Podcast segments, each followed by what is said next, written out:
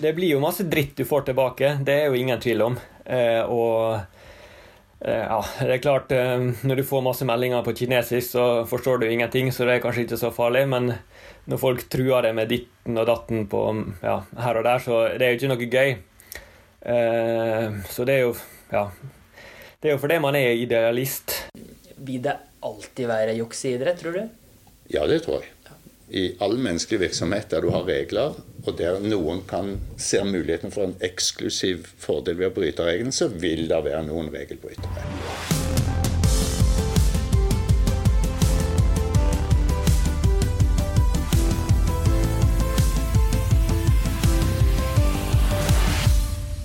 Velkommen til Antidopingpodden. I dag skal det handle om juks i mange forskjellige former, egentlig. Og vi får besøk av en av de mest imponerende utdannelsesutøverne vi har her i landet.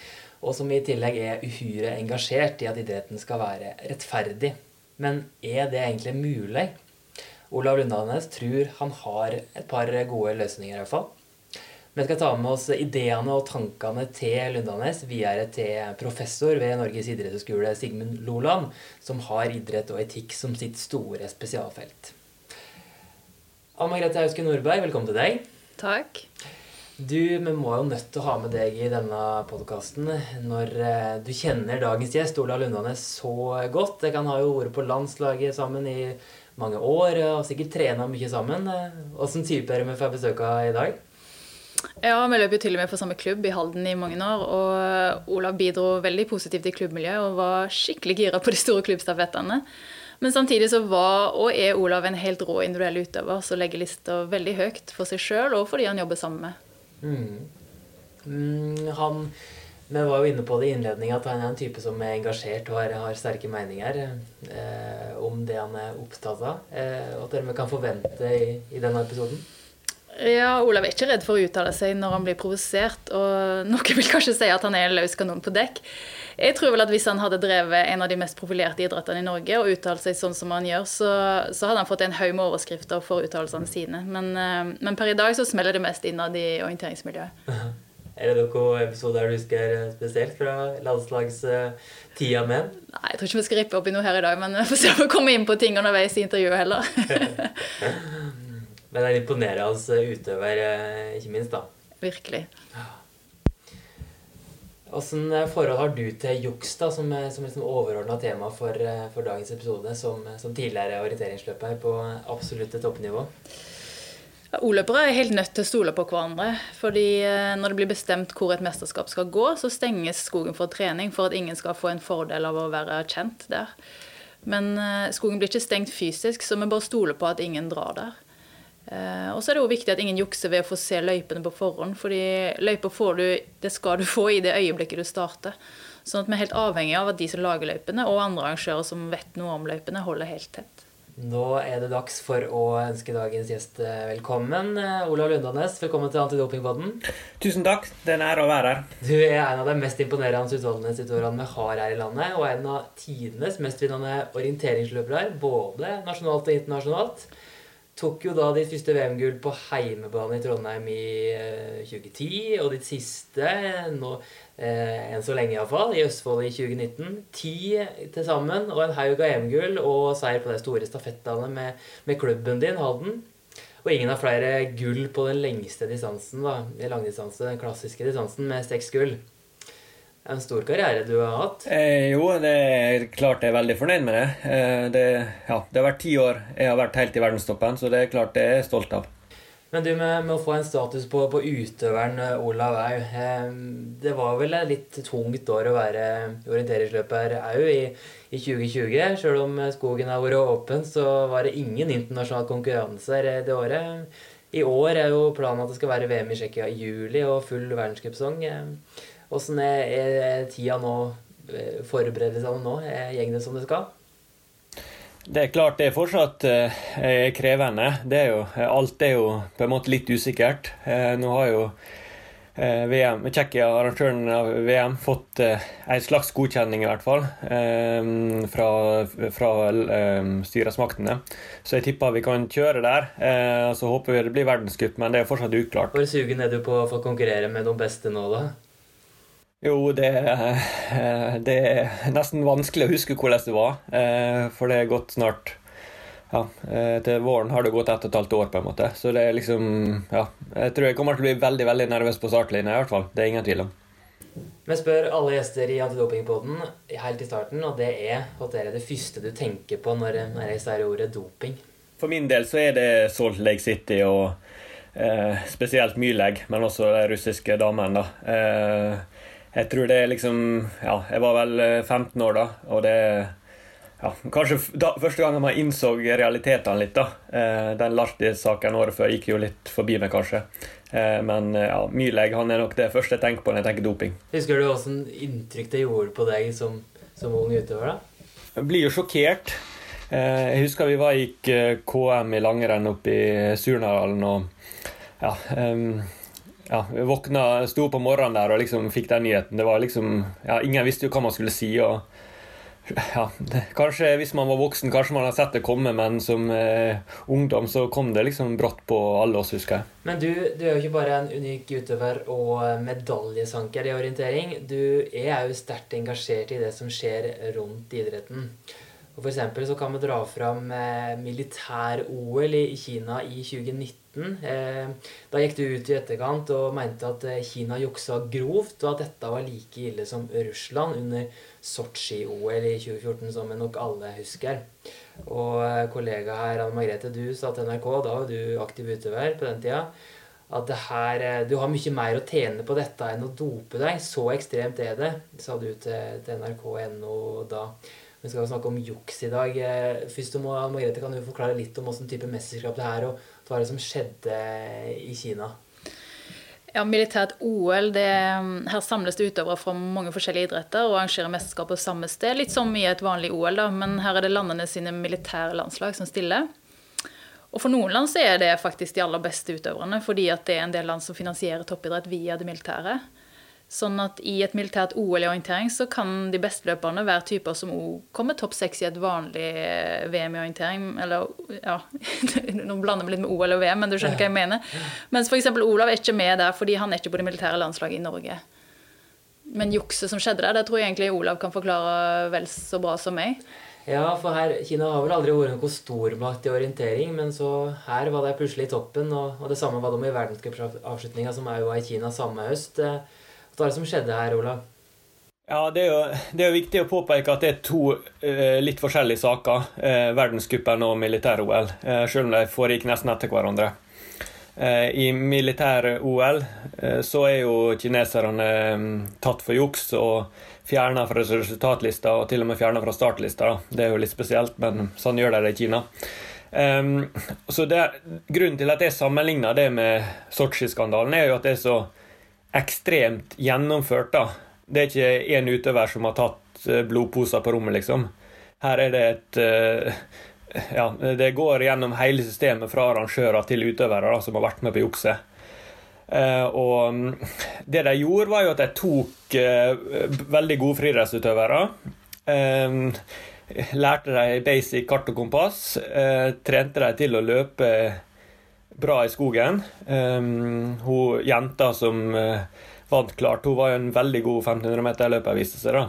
Um, og så ja, hadde de da merka løypa i skogen uh, og laga i tillegg snarveier gjennom kratter.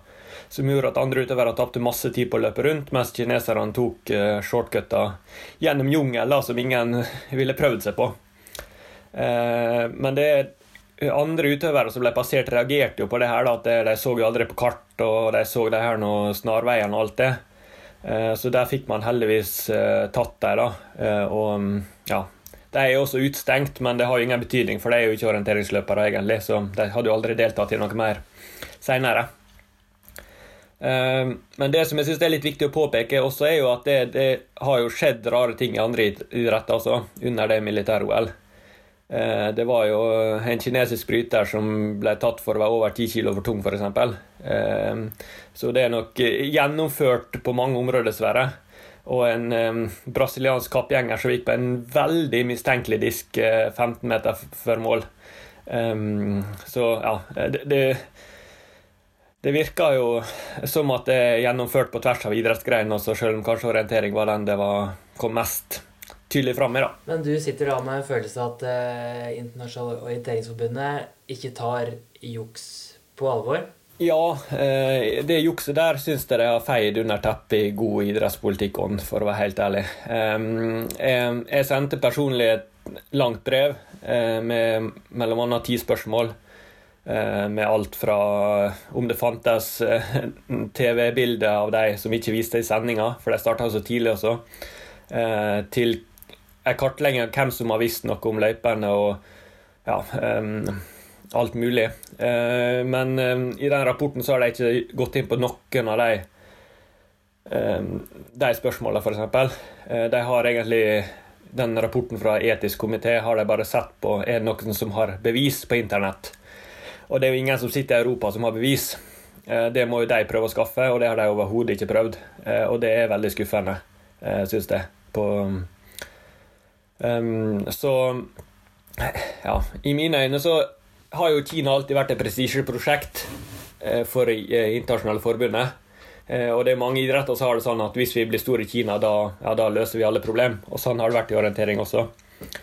Um, så jeg føler at det, de, ja, det er gått for masse prestisje i det til å gå skikkelig inn i det. Og det er jo veldig synd. Og ja, jeg har ikke større tillit til de folka som sitter der, dessverre, enn at jeg tror at uh, en kinatur med masse kulturelle innslag og gratis alkohol og bo på Hilton og sånt, det tror jeg ødelegger dømmekrafta litt. Grann, det, det, det, føler jeg kan si. Ja. Vi skal gå nærmere inn på, på de som tar beslutninger i det store forbundet litt seinere. Men det er jo flere former for juks eh, i orientering du har eh, engasjert deg i. Det blir kalla for henging. Det høres jo litt dramatisk ut for oss som ikke er helt uh, inne i orienteringsmiljøet. Men det betyr altså at en løper følger etter en annen løper som en kanskje veit er bedre kartteknisk enn en sjøl, eller hvis noen tar igjen uh, Hvis du tar igjen en utøver som har starta før deg i, i løypa, og, og, utøveren henger seg på, er det ikke slik, Anne Margrethe? Jo, Olav har jo dessverre mye erfaring med det. At uh, utøvere prøver å henge seg på. Jeg kan jo skjønne at han blir provosert av det. Ja, Det var vel et eksempel fra et NM i, i, 20, i 2017 der en klubbkamerat av deg òg ble diska etter å ha hengt på deg etter at eh, du tok han igjen. Eh, men hvor stort problem er dette her? Det er jo dessverre et ganske stort problem, og kanskje det problemet vi sliter mest med til daglig. Det er jo ingen tvil om det. Um, Internasjonalt så er det jo først og fremst et problem på langdistanse. Eh, på mellom, så hvis du blir tatt igjen, så er du liksom ute av kampen eh, om medaljen, stort sett. Så der går det stort sett greit. Eh, men på langdistanse med korte startintervall og lange, tøffe løyper, så, ja, så blir folk tatt igjen. Eh, og mm, det er jo spesielt de som er fysisk sterke, da, som, eh, som tjener på det. Eh, at de kan følge bedre hotekniske løpere uten å bomme. Ehm, for min del så Det påvirker jo stort sett ikke meg så masse at noen løper bak meg, heldigvis. da. Det er jo verre for andre som kan miste medalje og gode plasseringer av det. Um, så underveis så gjelder det å bry seg minst mulig om det, uh, for min del. Og så for andre på en måte stå litt for diskusjon i etterkant. Jeg kan legge fram uh, fakta på hva jeg har opplevd og hva som har skjedd som i den saken på NM for snart fire år siden. Eh, og så er det andre som må ta avgjørelsen, heldigvis. da. Eh, så det er jo bra. Eh, men, ja, for dette, dette er et typisk eksempel som jeg kanskje har i, i veldig mange idretter. Det, at det er vanskelig å gjøre det helt rettferdig? Ja, absolutt. Eh, det, det, tror jeg. Eh, det er jo fordel å gå sammen på individuell start i langrenn. og eh, det er jo noen vindkast i hopp de ikke greier å korrigere helt for, og startnumrene betyr jo masse uansett. så Um, ja, det er nok noe vi bare må leve litt med, og så må vi uh, Ja, det blir jo veldig detaljnivå, da, men man må liksom jobbe for å legge løyper som ikke, opp, eh, ikke, fører til for masse henging, da. Uh, og så prøve å bruke litt realistiske startintervall. Um, så, ja, så det er vanskelig å unngå, men man kan gjøre noen ting mot det som jeg føler man kan gjøre bedre. Jeg og Margrethe vi jobber jo i Antidop i Norge som jobber for en ren og rettferdig idrett. Og det er jo derfor juks er relevant òg for oss i Antidop i Norge. Da. At eh, det er en rettferdig idrett vi vil ha. Nå har vi beskriver en del former for juks i, i din sport og orientering, betyr det at øh, juks et større problem enn doping i orientering? Fins det ikke doping i orientering, tror du? Det blir naivt å si at man ikke tror det gjør det. Det har jo vært noen rykter, og det har jo vært en EPO-sak i skiorientering. Men det er klart, ja, ulike former for doping kan man tjene et par, tre, fire prosent på, kanskje. Um, mens hvis jeg hadde løpt løypa én gang, og så skal løperen på nytt og vite akkurat hvor postene er, akkurat hvor det skal lønne seg å løpe, så kan jeg tjene 10-12 uh, Så det er klart uh, Juks innenfor orientering, det har helt andre Du har helt andre muligheter til å tjene tid på det, tror jeg, enn på doping, da. Uh, så i mine øyne så har vi større utfordringer på andre områder enn akkurat dopingproblematikken. Selv om man ikke skal um, Man skal ikke utelukke problemer der heller. Absolutt. Men uh, hvor gjeng egentlig den der etiske grensa i idretten? da? Er det, er det mulig at en, en får en helt rettferdig idrettskonkurranse? Det er jo store forskjeller på på hvilke ressurser landslag har, eh, på, på forskning, på skismøring i langrenn forberedelser i, i riktig terreng da, for, for dekkene i orienteringssporten. Hvilke eh, muligheter ser du på for å få en rettferdig, mest mulig rettferdig idrett, Olav? Ja, nei, Det er klart det er veldig krevende, de spørsmålene du tar opp nå. Eh, og det er jo noe jeg har lært masse om eh, i løpet av året. At det er veldig ulike syn rundt omkring eh, i ulike land. Eh, både på hva som er lov av Ehm, ja, av eh, medisiner, og hva som er lov av andre, andre ting. Da. Det er klart det er ikke alle land som har samme holdninger til astmamedisin som man har i Norge, f.eks. Så jeg så det skulle forskes mer på det, så det syns jeg er veldig interessant, i hvert fall. Eh, for um, det er ikke noe tvil om at vi nordmenn ofte blir sett på som litt uh, arrogante og overlegne i utlandet, og man har helt andre holdninger der. Eh, men eh, ja, det er krevende. Skal man eh, gå så langt at man skal forby tran, liksom? Hvor går grensa? Det, det har jeg ikke noe godt svar på. Så man må bare sette noen regler, så må alle, alle følge dem lojalt. Det er liksom det eneste man kan gjøre, egentlig. Anne Margrethe, har du refleksjoner rundt det? Jo, jeg syns jo sånne ting er veldig interessant å diskutere. Og jeg, jeg syns det er spennende å følge med f.eks. i den debatten som går rundt bruk av fluor. Eh, langrenn og skiskyting og skiorientering de De tør jo ikke forby det da, fordi at ikke de har noen måte å eh, være 100% sikre på eh, bruken av det. Og, og, finne ut om folk har brukt det eller ikke. Og det er litt sånn skuffende synes jeg da, som oløper, at ikke de tør å stole på hverandre. Sånn som vi faktisk må gjøre da, når det gjelder terrengkjennskap og kjennskap til løyper. Så velger jo vi å stole på hverandre og tenke at ja, vi kan arrangere et VM i orientering uten å vite om noen har juksa på det området der. Mens de tør ikke å forby fluor. da. Selv om man vet uh, hvor enorme skadevirkninger det kan ha både for de som jobber med det og for uh, naturen. Så det sier kanskje litt om uh, For meg som oløper er det opplagt at det kan man vel bare forby. Og det tror jeg har noe å gjøre med den bakgrunnen Olav og meg har da for idretten vår. at det det er mulig å forby noe, selv om ikke du er 100% sikker på at du får kontrollert om noen bryter den regelen. Det er noe med kulturen i orientering? Ja, absolutt. Jeg, også også tenkt akkurat det samme. Det må jo gå an å forby det uten å være helt sikker. Eh, og en dopingtest tar jo ikke alle som doper seg heller. Eh, så ja. Jeg er litt overraska over den debatten av og til. Eh, det er det. Men eh, forhåpentligvis kommer det på plass til neste år i hvert fall. Men jeg vet at du har et forslag for å iallfall gjøre sport eh, hakket mer rettferdig, som jeg nevnte i innledninga. Eh, fortell om det forslaget ditt. Eller det er et av to forslag. Det, det, første er jo at jeg ville hatt et WADA for uh, andre regelbrudd også, på en måte. da. Uh, ikke bare doping. Nå er ikke WADA er ikke perfekt. Det er jo bare å lese den boka til Helleland, så ser man at WADA har litt utfordringer også. men jeg tror at hvis man hadde fjerna en del av det ansvaret fra særforbundene opp til et høyere nivå, så hadde vi sett en mer rettferdig sport.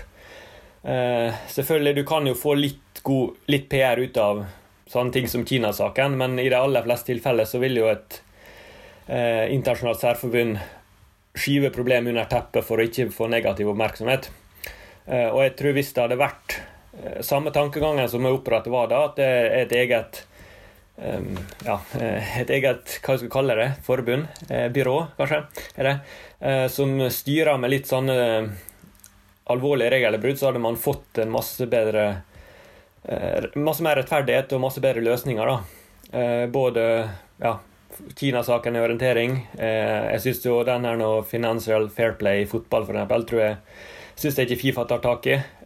Og også den motordoping i sykling. Der føler jeg at de ikke har gravd ned i De har kanskje fått fjerna det nå, men de har ikke tatt alle som har gjort det.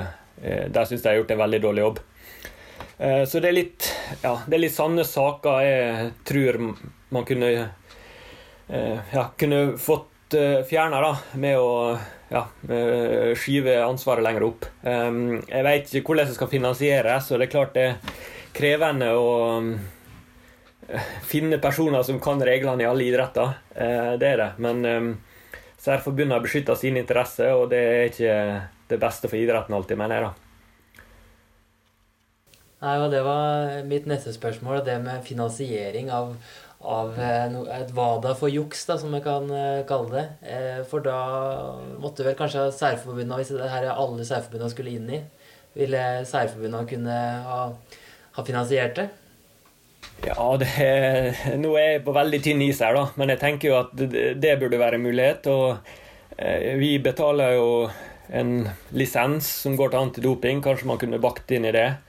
Eh, og så burde jo eh, myndighetene på banen også, på samme måte som jeg var da, tenker jeg da. Eh, så om det skal være helt selvstendig, eller om det skal ligge under WADA, det, ja, det tror jeg andre er bedre å svare på enn meg. Men jeg, ja, jeg, jeg tror et sånt overordna organ kunne gjort en forskjell i mange tilfeller. Det tror jeg virkelig. Hva er det som må til for at en skal klare å, å ha rettferdig konkurranse? Ja Jeg sier ikke at jeg løser alle problemer, men eh, jeg tror det har blitt litt mer rettferdig. Eh, jeg ser i hvert fall Jeg syns jeg ser mange eksempel på at uh, forbundene ikke tar ordentlig tak da, i problem. Det er bare liksom Ja. Feies litt under teppet, da. Så ja Det er mange som har Det blir spennende hva han sier, han eksperten etterpå om det, men jeg syns det er en interessant tanke, i hvert fall. Og så har du òg litt tanker om eh, hvem som er på toppen av disse store internasjonale forbundene. Det har vi jo sett flere aktuelle saker på at er mm, ofte litt eh, lenge mellom hver gang der blir skifta ut. Eh, hva tenker du om, det, Ole? Ja, det er klart det har jo vært veldig populært å kritisere for det i det siste. Men jeg syns liksom ikke at det har skjedd så veldig masse. Eh, du har kanskje fått litt mer sånn åremålsstillinger på generalsekretær og sånt, men eh, jeg syns man burde ha maksregler for hvor lenge du kan sitte i alle styrer. Eh, og det aller viktigste er jo at jeg ikke vil Jeg syns det bør være et forbud mot å sitte på flere plasser på en gang, da. Altså rene habilitetsregler. Du kan ikke sitte både i ditt nasjonale særforbund og ditt internasjonale særforbund. Det, det syns jeg er helt håpløst opplegg. Hvorfor går ikke det? Jeg vil jo mene at du får bedre, bedre flyt, da. At du kommer inn dit det gjelder, dit avgjørelsene blir tatt. Men jeg syns jo at det, det blir da sitter enkeltpersoner med altfor masse makt. Eh, og eh, de nasjonale forbundene blir liksom bare nikkedukker mot det internasjonale forbundet. Jeg ser ingen gode, gode argumenter for at folk skal sitte der i årevis og bestemme. Da, ja, da gror ting bare fast. Men betyr ikke det at vi kan miste gode ressurspersoner som jobber for idrettens beste pga. en sånn regel? Jo, det er klart. Eh, og f.eks. i orientering så er det jo et lite miljø. Eh, men jeg mener at det er en, en risiko man kan ta. da.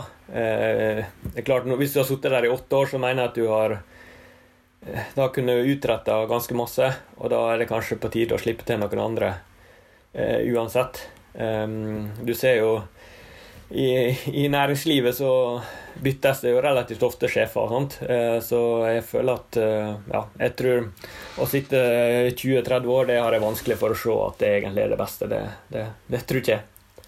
Mm. Det blir interessant å høre med Sigmund Loland uh, om, om, disse tankene etter hvert.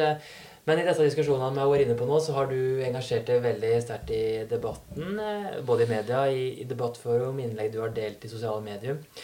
Hva tenker du uh, rundt det å engasjere seg, og, og sånn, kost, koster det mye for deg?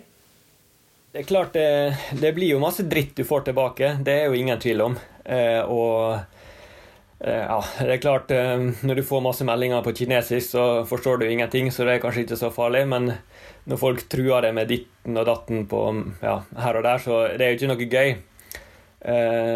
Så det er jo Ja. Det er jo fordi man er idealist og vil liksom idretten sitt beste.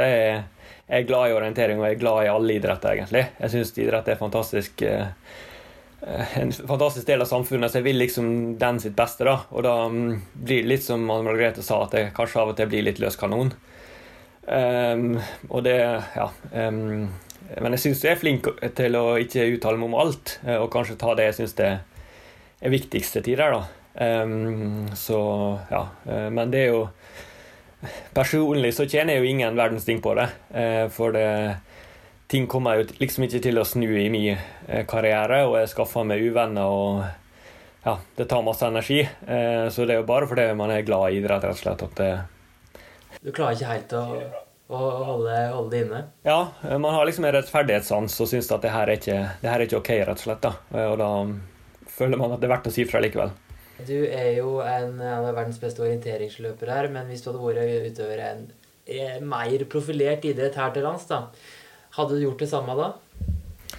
Nei, jeg hadde nok passa meg vesentlig masse mer, for da hadde jeg hatt masse mer å tape. Eh, da hadde jeg hatt eh, Ja, jeg skjønner jo de profilerte i vinteridrettene har jo mange millioner i sponsorinntekter. og eh, Hvis man uttaler seg, så vil jeg jo mene en risiko for å ja, bli mislikt av sponsorer og tape penger, så da selvfølgelig hadde man tenkt på en annen måte. Så jeg forstår jo godt at de holder en lavere profil. Uh, og i tillegg så blir det jo en helt annen støy hvis de hadde sagt noe om noe som helst. Uh, så ja, det er forståelig, uh, men det er synd. Selvfølgelig. Det er det. Ja, for det er jo litt av det målet vi har med antidopingpodden. Å få utøvere til å, å, snakke om doping og engasjere seg i, i debatten i media. Men det, kan, det viser jo det du sier, at har en vanskelig side òg. Tenker du at norske utøvere burde engasjere seg mer, eller har du forståelse for at eh, det er slik det er nå? Jeg forstår på en måte slik det er nå. Eh, for det er jo det at alle gjør det som er best for seg sjøl i det øyeblikket. Eh, så det er jo en helt naturlig måte å tenke på. Men det er jo veldig synd at det alle kritiske uttalelser i media nesten i Norge kommer fra Sebastian Samuelsson. Det er jo nesten bare han som sier noe. Så ja, jeg tror liksom hvis alle hadde sagt litt mer kritisk, så hadde det blitt litt mindre styr hver gang. Eh, og da kunne man kanskje en, fått endra på noe. Nå blir liksom alt på den som, den som tør å uttale seg, og så blir man kanskje skremt og ikke tør å si noe til neste gang, dessverre. Kjenner du det igjen? Ja, jeg tror Olav har et veldig godt poeng der. At det, det er så oppsiktsvekkende hver gang en norsk utøver tør å virkelig dra til med et eller annet. At det, det blir mye støy på den utøveren. Så eh, vi kan håpe på det bedres litt. Jeg syns jo ganske mange av skiskytterne våre nå har eh, uttalt seg i forbindelse med eh, den rapporten som kom for kort tid siden. Og jeg føler liksom det begynner å har løsna litt der. Så hvis andre idretter òg kan følge etter, så tror jeg egentlig vi kan gå litt bedre tider i møte på den fronten. For jeg tror jo det er viktig at utøvere tør å mene noe og tør å presse forbundene sine litt, både nasjonalt og internasjonalt. Det trengs, det. Mm. Hva tenker du om medias rolle oppi det her da, Olav? Og jeg mener jo at eh, media har jo veldig skylda for at det er blitt sånn. For de, eh, de, slår jo til med krigsoverskrifter med en gang noen sier noe. Eh, og det fører jo til at eh, folk på sosiale medier leser overskrifter og ikke saken, og bare slenger ut dritt. Søker det opp på Facebook eller melding og slenger dritt liksom uten å ha satt seg inn i noe som helst. da. Um, og samtidig så ser du at jeg klipper ja, jeg klipper på den måten jeg vil, og uh, får skapt konflikter. da. Jeg skjønner jo at det er konflikter som selger og skaper klikk og alt sånt det der. Uh, men du, de graver jo litt sin egen grav da, når folk bare blir medietrente mediatrente og ja, sier kjedelige ting. Um, så ja, jeg er jo litt skuffa over liksom, de sjøl seriøse media er så på krigstiden da, for å finne småting og ja, konflikt, små konflikter å skrive om. da. Det er jo nesten umulig å finne resultat fra en idrettskonkurranse. Det står jo om at noen har sagt det og det om den eller den. Det er liksom, ja, En resultatliste er jo nesten ikke oppdrevet i media lenger. Ehm, så det er jo synd det har blitt sånn, men jeg skjønner jo at jeg gjør det for å media gjør det for å overleve. Så sånn er det dessverre. Handler ikke det litt om at media vi, At flest mulig skal, skal lese om, om forskjellige sportsresultat? At ikke det kanskje går Hvis en ser at kampen endte 1-1, så klikker han ikke videre inn på den saka. Han vil heller lese om det som skjedde rundt.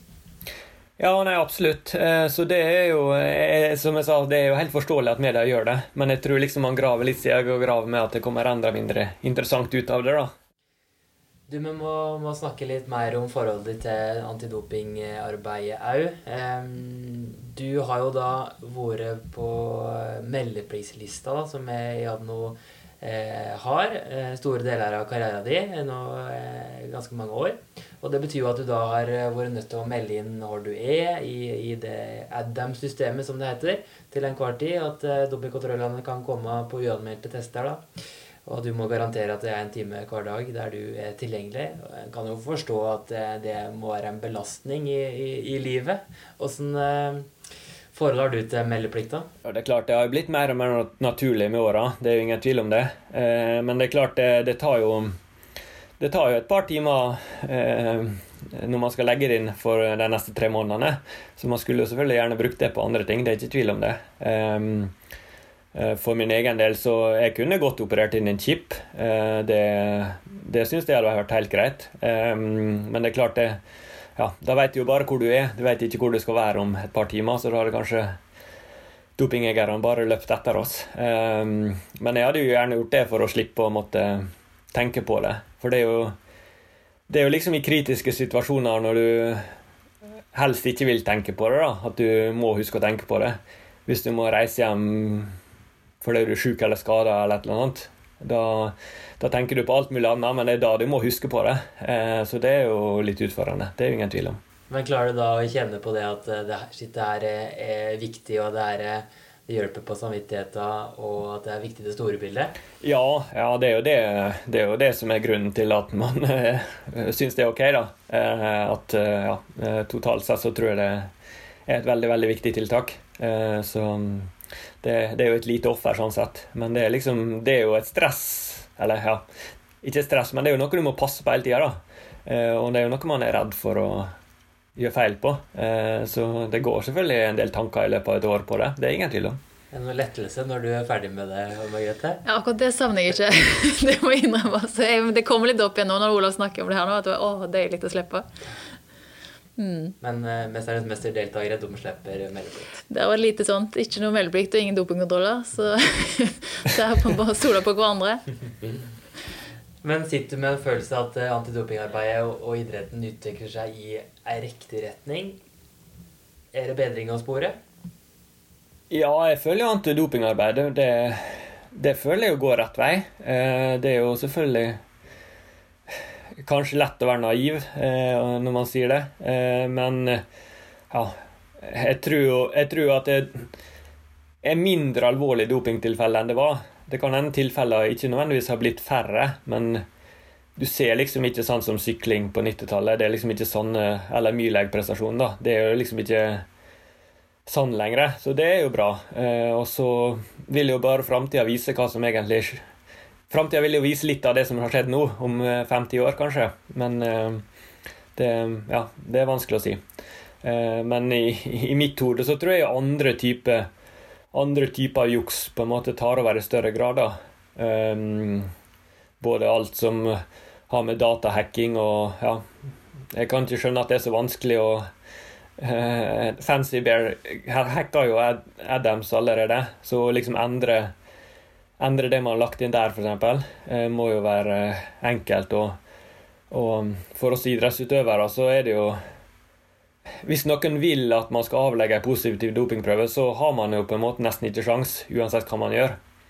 Eh, hvis noen går inn for å sabotere det, så, ja, så får de det til på en eller annen måte. Det er jeg nesten sikker på. så jeg er jo redd for at vi ser mer av det framover. og alle idretter som er, har dommere, tenker jeg jo kanskje at trusler og bestikkelser og sånne ting Ja. Eh, der, der tror jeg det er mørketall, og kanskje det kommer, det kommer mer også. Eh, for ja, idrett er big business, og det betyr utrolig masse for mange. Så det at det kanskje er vanskeligere å dope seg, tror jeg bare gjør at det finnes nye måter å jukse på. Uh, dessverre. Uh, så ja. Det er kanskje er en enda større grunn til å, til å få på plass et, et VADA for juks, som vi var inne på tidligere, kanskje? Ja, jeg tror det. Det er jo vanskelig Ja, det er jo umulig å si, men ja. I mitt hode så tror jeg kanskje de store utfordringene ligger der, da. Eh, på andre typer juks enn doping. Eh, men vi får se. For å avslutte og oppsummere litt uh, lystigere, så kan vi jo spørre deg hva du håper og tror skal skje da, i idretten. Nå er jo kanskje du på, på tampen av karrieren etter hvert. Vet ikke hvor lenge du har tenkt å holde på, men det er de neste 10-20 åra, når uh, neste generasjon skal ut og konkurrere. Ja, Det tror vi kan få til, er i hvert fall et ryddigere At idrettspolitikken har utvikla seg i positiv retning, både på nasjonalt og internasjonalt nivå. Eh, det tror jeg Jeg tror kanskje vi er på bunnen Jeg tror kanskje vi har vært på bunnen, og at ting går i rett retning. Um, og så får vi håpe at IOC også begynner å ta litt tak. Um, og så skulle jeg liksom ønske at vi uh, ikke arrangerer så mange idrettskonkurranser i de diktaturstatene, på en måte. da. Uh, det håper vi om 10-20 år er borte fra. Selvfølgelig man skal Det er idrettsutøvere der som er gode utøvere og snille og flinke og alt sånt, men jeg syns det skaper store problem. sier liksom at nå ble jo alt i Kina av sånn vinter-worldcup avlyst i år, men jeg sier at det har skjedd noe der nå i, nå i vinter, da Eh, det er jo ingen utøvere som har turt å sagt noe som helst, for da har jeg ikke turt å komme tilbake til, til OL neste år, liksom. Eh, så sånne ting tror jeg vi kanskje har løst om en 10-20 år. Så vil nok andre problemer henge med oss videre. Takk for veldig mange gode tanker og refleksjoner, Olav. Det her blir spennende å ta videre med, med Sigmund Loland. Så får du ha masse lykke til videre med oppkjøringa og eh, sesongen når den forhåpentligvis kommer i gang eh, utpå vårparten. Tusen hjertelig takk.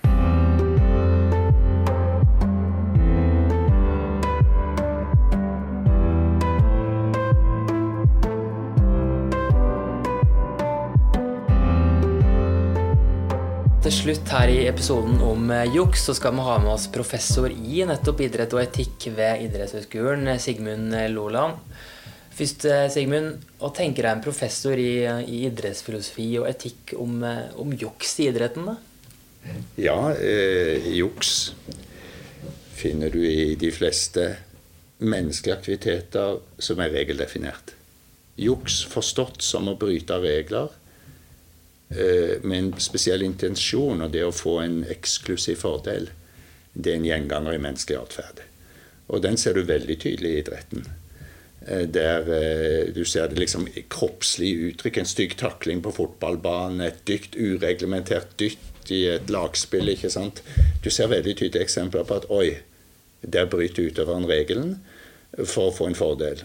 Og det, Juks defineres ved at du må ha en fordel som ikke er tilgjengelig for de andre. Hvis, hvis juks utbrer seg, så forsvinner jo idretten. Idrett er jo definert av regler. Fotball uten regler. Hvis alle tar ball med hendene, så har du ikke fotball lenger. ikke sant? Men jukserne som henser, er avhengig av at de andre ikke henser. Jukserne som bryter dopingreglementet, er avhengig av at de andre ikke bryter reglementet, for da utjevnes jo fordelen. Så jukseren er det klassiske eksempel på gratispassasjeren. Det er de som tar banen uten å betale billetten. De er helt avhengig av at alle andre betaler billetten. Hvis ingen betaler billetten, så nedlegges eh, Oslo sporveier. ikke sant? Eh, på akkurat samme idretten. Eh, hvis alle bryter dopingreglementet, eller hvis alle tar ballen med hendene, så forsvinner idretten. Så jukseren er gratispassasjeren, så skal ha en eksklusiv fordel uten å betale sin pris. Vedkommende er avhengig av andres samarbeid uten å gjøre sin del av samarbeidet. Så det juks er egentlig snylting. ikke sant? Det er et eksempel på snylting. Og eh, Olav Lundanes han forteller om forskjellige typer for juks i idretten. Orientering, da, som er hans idrett. Om juks ved at løpere henger seg på og ikke tar egne vurderinger på, på, kartet. Eller om kinesiske utøvere som gjør seg kjent i heimelig terreng før mesterskap. Og han er jo inne på utstyrsforskjeller i ski da, og den fluordebatten. vil det alltid være juks i idrett, tror du? Ja, det tror jeg. I all menneskelig virksomhet der du har regler, og der noen kan se muligheten for en eksklusiv fordel ved å bryte regelen, så vil det være noen regelbrytere. Og så må du ha regimer som minimaliserer juks. ikke sant? Og Da må du ha, ja, se på antidopingarbeidet. Du må altså ha testing. Du må ha straffer som avskrekker. Altså en straff som står i forhold til forseelsen, og som gjør at du ikke kommer unna med feilen fordi straffen er så liten at det svarer seg allikevel. Og selvfølgelig forebyggende arbeid. Og det er jo det her eh, Lundanes har et par forslag da, som han mener kan gjøre idretten mer rettferdig, for det mener han ikke er det nå. Og forslag nummer én fra Lundanes er jo et, et WADA for juks.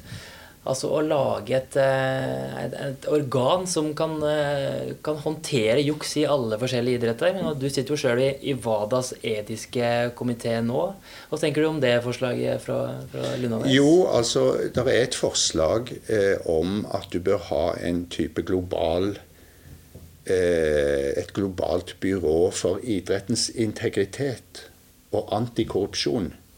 Det går nok mer på den organisat internasjonale organisatoriske delen av idretten. Noen må følge disse internasjonale særforbundene i deres måte å håndtere idrettens ressurser på. Der er utbredt korrupsjon. I dag sitter vi med en debatt om i, nei, VM i fotball-VM i Qatar, og hvordan Qatar fikk det VM i sin tid. Det er store diskusjoner nå om OL i Beijing. ikke sant? IOC legger arrangementet dit. Hva er bakgrunnen til disse beslutningene? I antidopinghistorien så har det vært store diskusjoner om hvordan internasjonale særforbund tildekker dopingskandaler og ikke ønsker negativ PR. Så noen sier at disse organisasjonene er ikke i stand til å forvalte idretten på et ansvarlig og verdifullt vis, og vi trenger en integritetsbyrå som overprøver, eh, tester og eventuelt sanksjonere, ha straffemuligheter for å ivareta idrettens integritet. Så ikke idrettens egne kan du si, korrumperer hele idretten.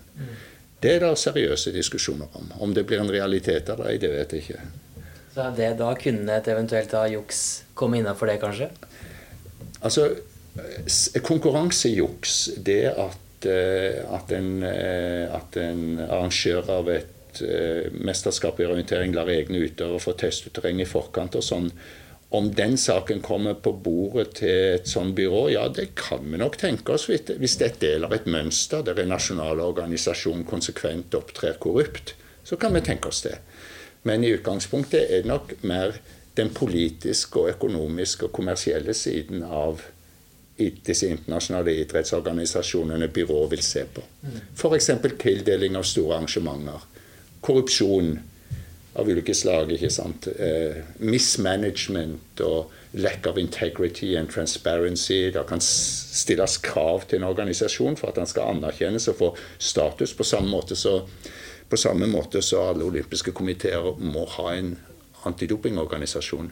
For å kunne delta i et olympisk mesterskap så kunne vi tenke oss at alle internasjonale organisasjoner må tilfredsstille visse krav til åpenhet, demokrati, åpenhet av regnskap, klare kriterier for tildeling av mesterskap. For i det hele tatt å aksepteres som en del av den internasjonale idrettsfamilien. Og Da trenger du et sånt byrå som har et overoppsyn. Om det blir en realitet eller ei, det vet jeg ikke. Han har òg et forslag om at det, det bør være ulovlig da, å sitte med så mange hatter i, i et nasjonalt og et internasjonalt særforbund. Og at det ikke bør være lov å sitte over eh, mange perioder, som jeg har sett flere eksempler på ledere i, i store internasjonale særforbund som har sittet i over flere tiår. Er det med på å gjøre idretten urettferdig, disse to eksemplene her? Ja, det er det. Jeg tror den gjennomstrømningstanken, eller at du har begrensa regjeringstid, eh, det er et viktig prinsipp. Og det er jo på vei inn òg i internasjonal idrett. Um, det at du sitter med to hatter, ja, det kommer litt an på. Jeg mener, hvis, du er, hvis du er politisk valgt eh, eh, til storting, eller hvis du sitter i regjering i Norge, så kan du samtidig ha internasjonalt politisk engasjement der du representerer ditt land. Så vi kan nok se for oss at i noen grad er det mulighet med flere hatter, men ikke der det kommer interessekonflikter. Eller interessesammenfall, der det kan bli mistanke om korrupsjon osv. Så, så klare kriterier for når to hatter er mulig, og når det ikke er mulig. Åpenhet, egentlig. Det kan bidra med å gjøre idretten mer rettferdig, men helt rettferdig blir den kanskje aldri. Millimeterrettferdighet er umulig i den verden vi lever i. Men eh, rettferdighet består av noen idealer, og så består det av prosedyrer for å nå idealene. Og de blir aldri helt perfekte, men vi prøver stadig å finne de best mulige prosedyrene for å få en mest mulig rettferdig idrett. Inklusiv eh, sikkert gode forslag her fra Lundanes. Takk til deg, Sigmund Olav. Takk skal du ha.